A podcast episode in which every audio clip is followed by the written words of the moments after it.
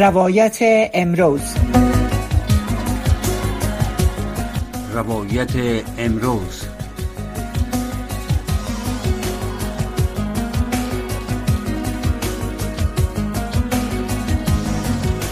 عزیز خوشحال هستیم که با ما هستین. شنونده رادیو آشنا صدای امریکا و ما را از طریق محوری صدای امریکا هم تعقیب می‌کنین.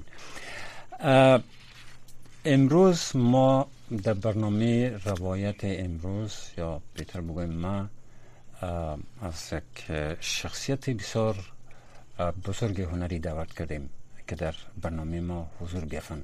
شما چند روز یا هفته پیش فکر می‌کنم بود که برنامه را با آقای غنی قدیر داشتیم دایرکتر درام بزرگ بزرگ چینی. ما از جمله او درام پلنگ انتخاب کردیم امروز. جناب آقای کریم بیست. فرزند بزرگترین هنرمند افغانستان. جناب آقای بیست خدا باششانه استاد همه هنرمندا. زیاد شما رو در انتظار نمیمونیم از پلنگ می‌پرسیم. در از آغاز جدایی فیزیکی ما از افغانستان که اونا هم آواره شدن و ما هم به سمت دیگه روان شدیم از افغانستان خارج شدیم چی کاروایی داشتن؟ پلنگ موندن یا ای که از پلنگی استفا کردن؟ آقای کریم بیست هنرمند بله. ورزیده افغانستان فرزند بزرگترین هنرمند افغانستان به برنامه خوش آمدین سلامت باشین. تشکر از لطف مهربانی. عزیزاده عزیز عزیز که ما را بیاد داشتی و امروز یک صحبت مستقیم خود داشتیم. جان سپاس از این فرصتی که به ما دادیم از شما تشکر. آقای بیست ممنون شما که در برنامه ما حاضر شدین. به این از ما پیشتر در آغاز گفتم که وقتی ما از افغانستان برآمدم. بعد از این بود که شما پلنگ شده بودین. بله او وقت پلنگ شده بودین. خودت بودی بله. بله. یادم است ما بعد از او باز برآمدیم. باز بله بله مدت با هم تماس نداشتیم متاسفانه. بنابر شرایط بله نظر شرایط بله. بین که از خود شما از کارهای شما شروع کنیم. شما از افغانستان خارج شدین. البته خالی از مشکلات نبوده. برای هیچ کس از افغانستان که وطن خود ایلا بوده. و او افتخارات را که شما به حیث فرزند هنرمند بسیار بسیار سرشناس افغانستان آقای قیم بیست خدا مغفرتشان کنه که داشتین. به چی سرگردانی های مواجه شدین تا ای که در حال مسئول هستین حداقل از این شروع می‌کنیم میریم به سخنهای دیگه درست است. عزیزاده عزیز مسئله دیگه است که گپش خود بیشی بجای است.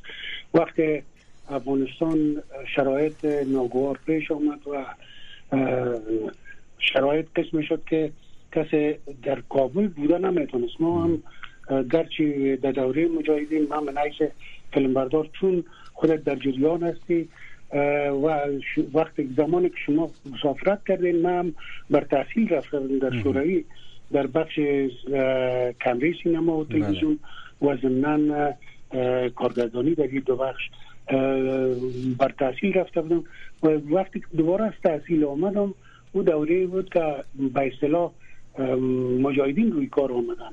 و با اون شرایط مجاهدین هم یک مدت ساختیم من حیث فیلمبردار در محافلشون حضور پیدا می‌کنم و باز مسائل را فیلم برداری می‌کردیم. البته که جزء آرشیف تلویزیون هست در فیصد بعدا که شرایط زیبتر شد فرصت فرصت ها از بین رفت طالبا آمدن. ما شرایط بر ما زیب شد دیگه. استاد هم طرف مزار رفت ما هم طرف مزار رفتیم. تقریبا مدت پنج سال را مدت مزار باقی موندیم و این مدت پنج سال واقعا یک دوری بسیار اختناقی بود یک دوره بسیار دشوار بر زندگی بود و فقط بسیار با مشکل می‌شد زندگی را چرخاند. استاد هم به اون شرایط کارهای هنری می‌کرد. حتی اگر بخواد یکی از هنرمندان سرشناس ما و شما که در یعنی بزرگ چینی هم نقش داشت جان گورن. بله بله بله. و در مزار آمد.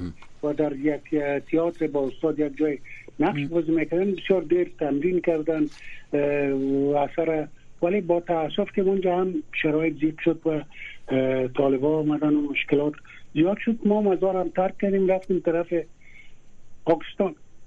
و تقریبا مدت پنج سال ما در پاکستان بودیم. پنج سال در پاکستان بودیم. شرایط بسیار زیاد بود البته ما در بی بی سی یکان کمتون فعالیت های داشتم یکان نقش های بازی می‌کردم. ولی استاد دیگه در اونجا فقط مصروف نوشتن درامه بود و در پالوش یک کتاب از شعر نوشت و بله. که او رساله چیریش تاپ شد و فعلا در دسترس هست. میگه در شرایط پنج در پنج ساله که ما در پاکستان بودیم واقعا شرایط بسیار زیاد بود. برای زندگی کردن برای بود دوره که بسیار کل چیز اتفاق افتاد و او اتفاقات اصلا پیش بینی شده نبود برای کسی. بنا هم زندگی دشوار بودن چی میچرخید و یک دوره بسیار دشوار را گذشتانید بله. این بود قصه تمام گذشته ما بسیار خلاصه کردین ولی ما به این خلاصه نمیمونم شما را که برین از پیش من. بله. شما در پاکستان مهاجرت کردین گفتین و از اونجا آمدین فعلا در یک کشور اروپایی زندگی می‌کنین. بله دنمارک هستین. چطور است زندگیتان؟ شما به کارهای هنری مصروف هستین حالی دنبال تانستین بکنین کارهای هنری تانه ولی با تاسف پاکستان که بودیم در اونجا مصروفیت داشتم. با یک نیاد از ایرانیا بود که با اونا کارهای می‌کردیم. پارچای تمثیلی میساختیم. همراهشان کار می‌کردیم. خودم کار می‌کردم. اونجا فکرت هم شاعری که هست فعلا در پاکستان در هند است و هم همراه ما پرسای تمثیلی ما می ساختیم برای جوان ایرانی بود افغان هم همراهشون بود. به اونجا فعالیت های زیاد داشتیم. باز نشتار دوباره باز نیست کردیم. اونجا روی صحنه پیاده کردیم. البته استاد اومگان بار ازش نظر می‌خواستیم در پیاده کردن آثار خود در اونجا مصروفیت زیاد بود. ولی وقت اینجا آمدیم.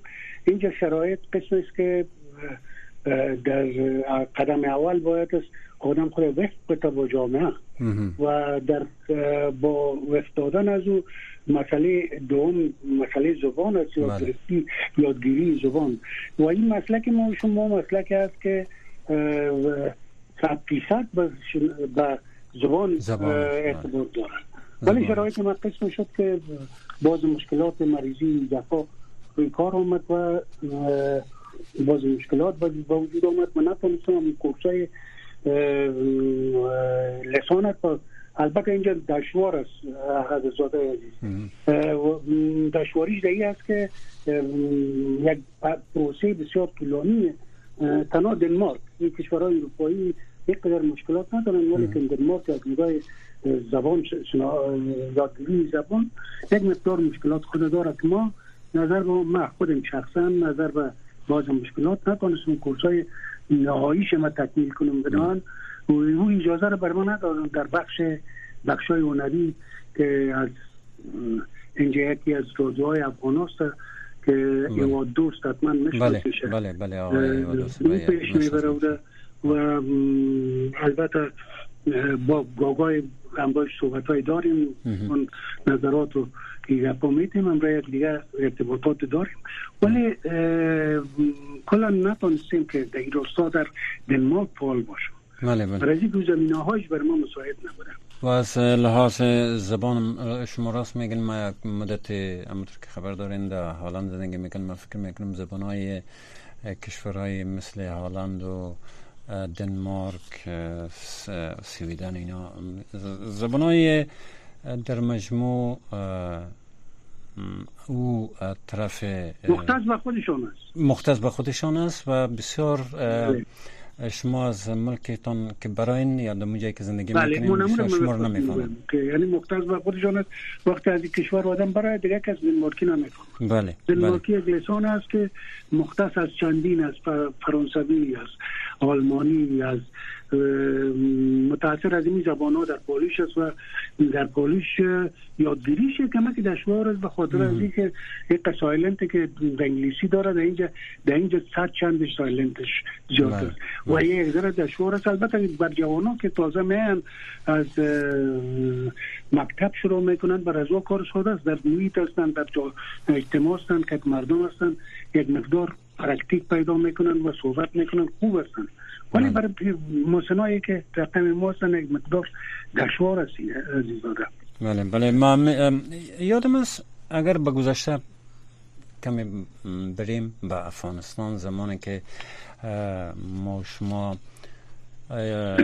رادیویی مجله را مجله تلویزیونی بله. ساختیم یعنی چیزی بله. که در رادیو داشتیم وقتی که تلویزیون در افغانستان امتحانی شروع شد ما شما یک جایی او برنامه را کار می‌کردیم.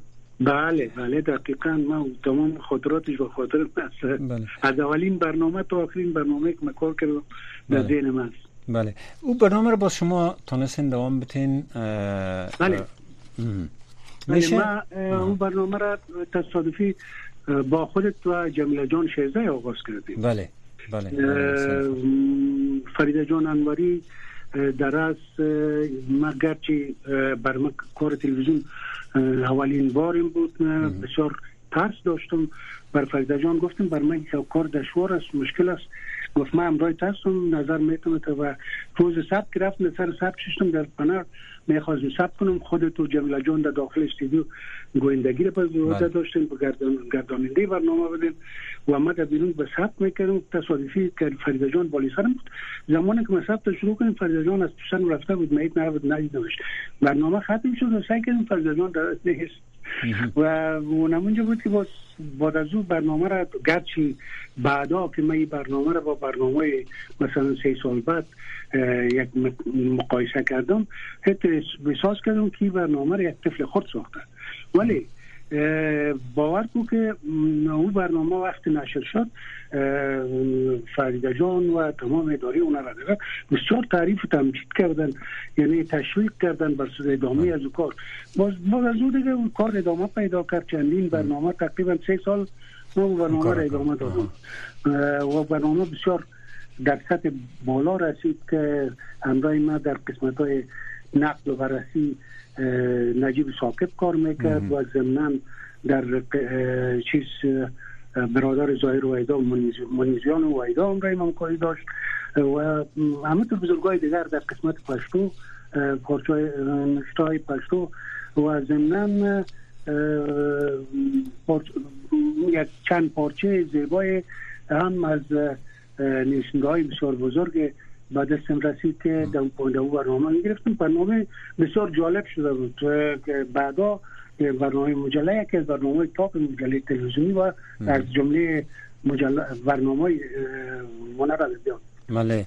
ولی ایران ما باید عرض بکنم خدمت شنونده های ما و برای خودت که واقعا خانم فریده انوری که مدیر عمومی اداره هنر و ادبیات بودن و ما مثلا زیردشون کار می‌کردیم. بسیار زیاد همه گره تشویق می‌کردن و ما شخصا خود من بسیار منت گذارشان هستم در نواواریشان هیچ جای شک نیست در خلقتشان هر جای باشن آرام باشن بسیار ازشان آموختیم. از شما گفتین در برنامه های پاکستان که آمدین در برنامه های رادیو کار می‌کردین نماشنامه میساختین؟ یا ای که در برنامه یک برنامه داشتن بی بی سی بخش بی بی سی یک برنامه داشت به نام همین دراما های بود در طریق بی بی سی نشر می‌شد که او دراما ها اضافه تر دهات و اطرار معرفی می‌کرد. تعلیمی بود دهقانی و سر مسائل بود. یعنی شبیه برنامه ما شما که برنامه بله برنامه رادیوی زراعت. چیز بود رادیو بود. و با اون شکل رادیویی هم بود باید از کلک تمثیل می‌کنن البته کسایی که شامل می‌شد باید از مطابق نقش که برشان داده می‌شد مطابق از او باید سیار میبودن آوازشان کل چیزشان باید مطابق از امون میبود باید انتخاب می‌شدن برای همون یک نقش. اون نقش چقدر دیر دوام می‌کرد معلوم نبوده و مربوط نویسنده ها بود که چقدر اون کرکتر پیش می‌برن در کجا متوقفش می‌سازن فقط این یک حرف. بله بله. شما نو سال گفتین تحصیل کردین در مسکو هفت سال. هفت سال. و در هفت سال دایرکتری فیلم خواندین. در هفت سال اصلا فیلمبرداری سینما تلویزیون و در پالیش کارگردانی تلویزیون و سینما. البته به شکل کارگردان حرفه‌ای که دیگران می باشه نه به او سطح که خود ما بتونیم راهنمایی خود کنیم. یعنی وقتی که برگشتین فیلم را ساختین دایرکت کردین؟ بله بله. ما در افغان فیلم وقت آمدم پس دوباره مرد در افغان فیلم دادم در بخش همی فیلم برداری و ضمنا وقت انجینیر لطیف رئیس افغان فیلم بود که من رفتم. و تصادفا یک فیلم از وزارت آوبر یک فیلم مستند باید ساخته می شد بودجهش البته خود وزارت مخابرات وزارت آب و می‌داد و اون فیلم ما شروع کردم اون فیلم تقریبا اعتبار بگویم که یک فیلم تقریبا یک ساعته اضافه یعنی فیلم مستند بود. اما در عمقش یک فیلم دراز مستند شد. به اصطلاح در حدود یک نیم ساعت الا دو ساعت یک فیلم شد. و اون فیلم زمان زیاد از در بر گرفت.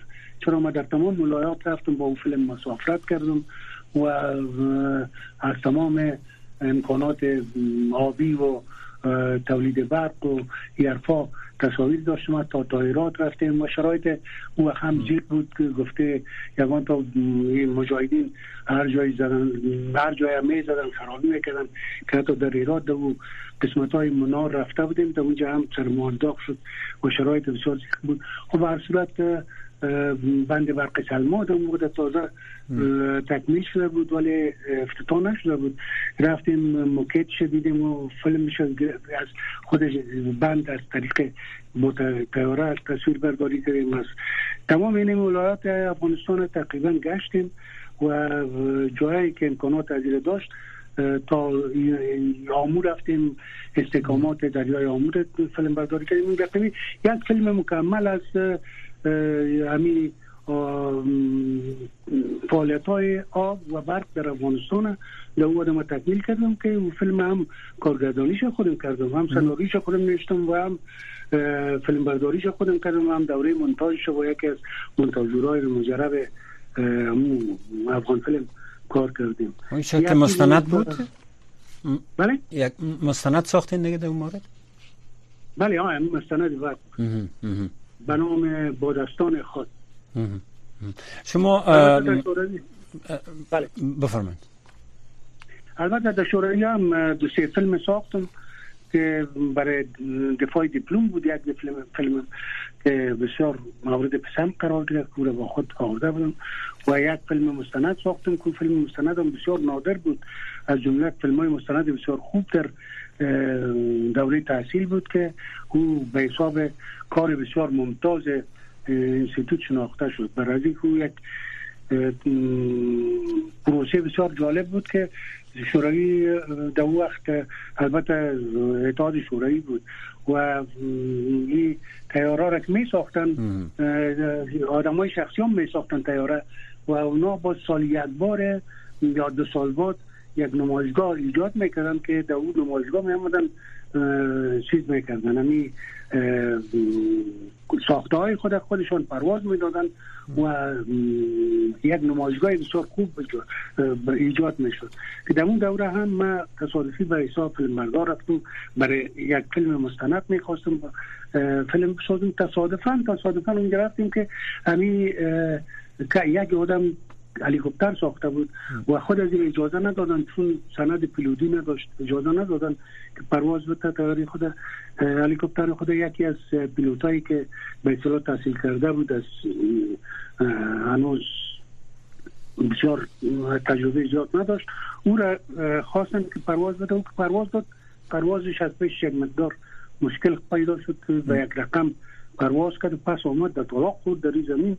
حتما خودش کدام مشکل پیدا نکرد تیاریش همین هلیکوپتر یک مشکل پیدا کرد. همین دوره کس دیگه آماده نبود. ما آماده شد کمره ما تا دمو ده چک می‌کردم.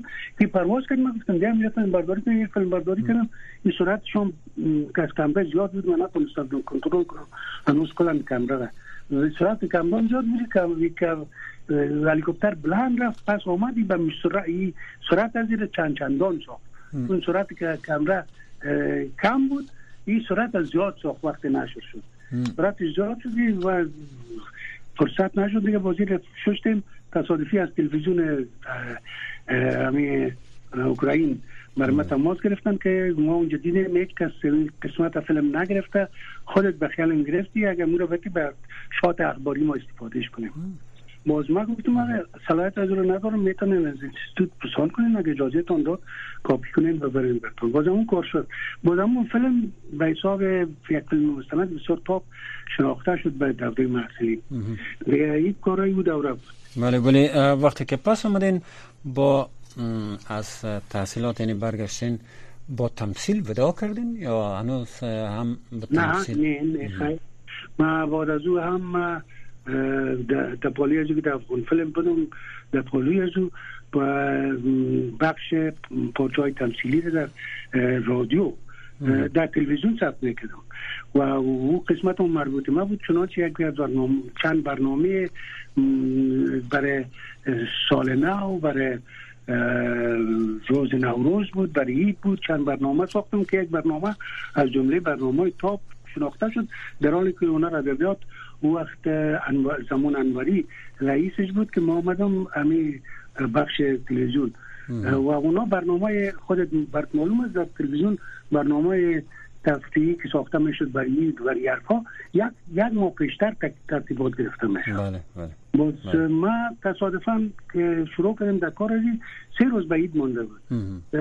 و خدا بیامرزه اسد زکی را از او خواهش کردم او آمد خدا خدا بیامرزه علی سواها و دو سه نفر دیگر آمدن همونجا با دور هم جمع شدیم. یک بیکورا که در داخلش دفتر جور کردیم و یک صحنه جور کردیم. تا پارچای تمثیلی بسیار زیبا جور کردیم. در پالیش در پالیش ما هم کار می‌کردم خود جسد زکی کار کرد. جمله یعنی از جان واب کار کرد.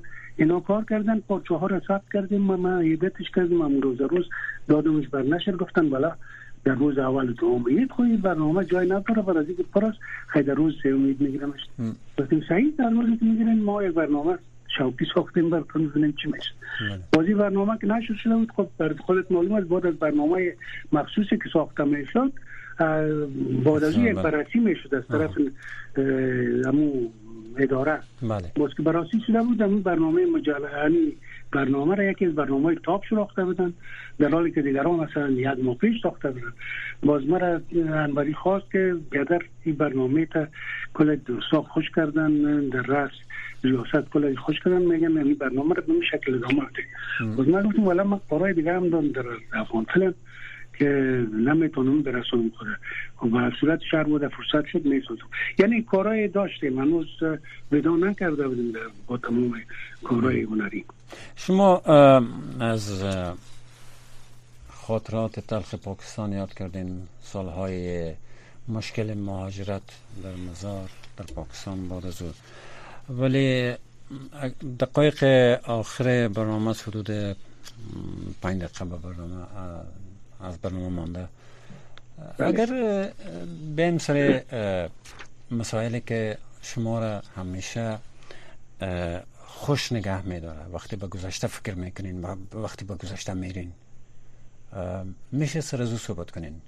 از بله خوشترین موقع زندگیتان در رادیو و تلویزیون افغانستان کدام دوره بوده؟ و چی کارهایی حالا دوره اطلاعی بود که با شما دوستای نازنینه که هر کدام توتی از شرافت و نجابت بگن خاص خاطر من هر کدام همو خوبی را داشتن که آدم او دوره را هیچ وقت فراموش کردن نمی‌تونه او دوره بود که مثلا نمی برنامه رادیویی اگر به خاطر داشته باشی هزار یک شب شکرهای بله. بیجان بله. کور پیوند داده بود کل دوستا را در کنار هم و با چی عشق و علاقت کلگی کار می‌کردن که کارگردانی از او پارچه ها را هم مواسا را هم آمد شاه جان علم با بوده داشت و ابتکارات هنر ادبیات بود. واقعا بسیار آثار بسیار عظیم پیاده کردیم. او یک دوره خاص بود که لذت از او هیچ وقت از یادم نمیره. یک دوره طلایی که ما کل دوستایی که در اون دوره بودن.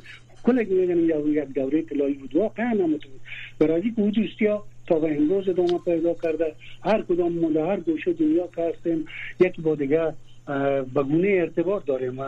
چی از طریق نوشته چی از طریق تلفن و یا چی از طریق برنامه های مختلف. خب این خودش یک فضیلت است که از این دوره ها بر مانده دیگه. بله.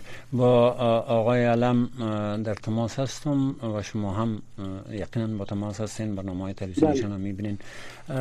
کدام کارها را با اونا مشترک انجام دادین؟ و کارهای مثلا ریشاش های سیوم مثلا سر شکسپیر بود. حمله اثر شکسپیر بود. دفن دوموریه اثر جان اشتنبک بود. دیگه آشیل بود. آثار از آشیل از نویسنده یونان باستان. و همه طور یک چند اثر از یک نویسنده فرانسوی دفن دوموریه بود. ربکا مثلا. و یعنی آثار زیادی بود که شاید حال فعلا ذهن مرا یادی نکرد که همه نامش رو ببرم. ولی این آثار که ما واقعا آمد شاهجان علم با نهایت زیبایی کار کرد و کارهای بسیار ارزشمند بود که فریده جان هم گاگای بر نظاره کردن از. بله بله. صحبت جداگانه داشتیم در دو هفته قبل با آقای علم که واقعا قابل ستایش هستن. ما هم در زمانش وقتی که در افغانستان بودیم با ایشان کار کردیم بسیار چیزای زیاد آموختیم از اینا از خانم بله. فریده جان و یک سخن دیگه بله. هم که فراموش نکنیم مسئله همین تئاتر بزرگ چینی بله. بزرگ چینی خب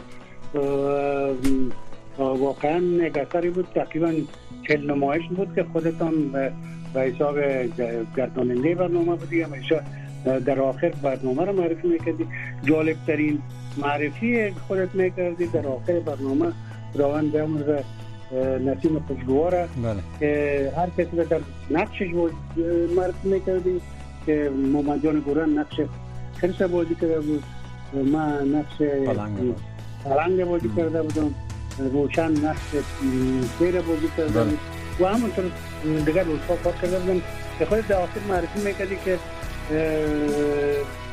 کل را به نامش یاد می‌کردی به نقشاش ولی نسیم خوشگوار می‌گفت نسیم خوشگوار در نقش آدم بله بله یادم هست. شوخی می‌کنیم با. بله بله. بسیار زیاد تشکر آقای بیست یاد خاطرات گذشته رو کردیم. موفق باشین در هر جایی که هستین. امیدوار هستیم با هم در تماس باشیم و امیدوار هستیم شما رو برنامه ایمان داشته باشیم. از حضورتان تشکر. از از اینکه ما را می‌برید ممنونتان خدا حافظ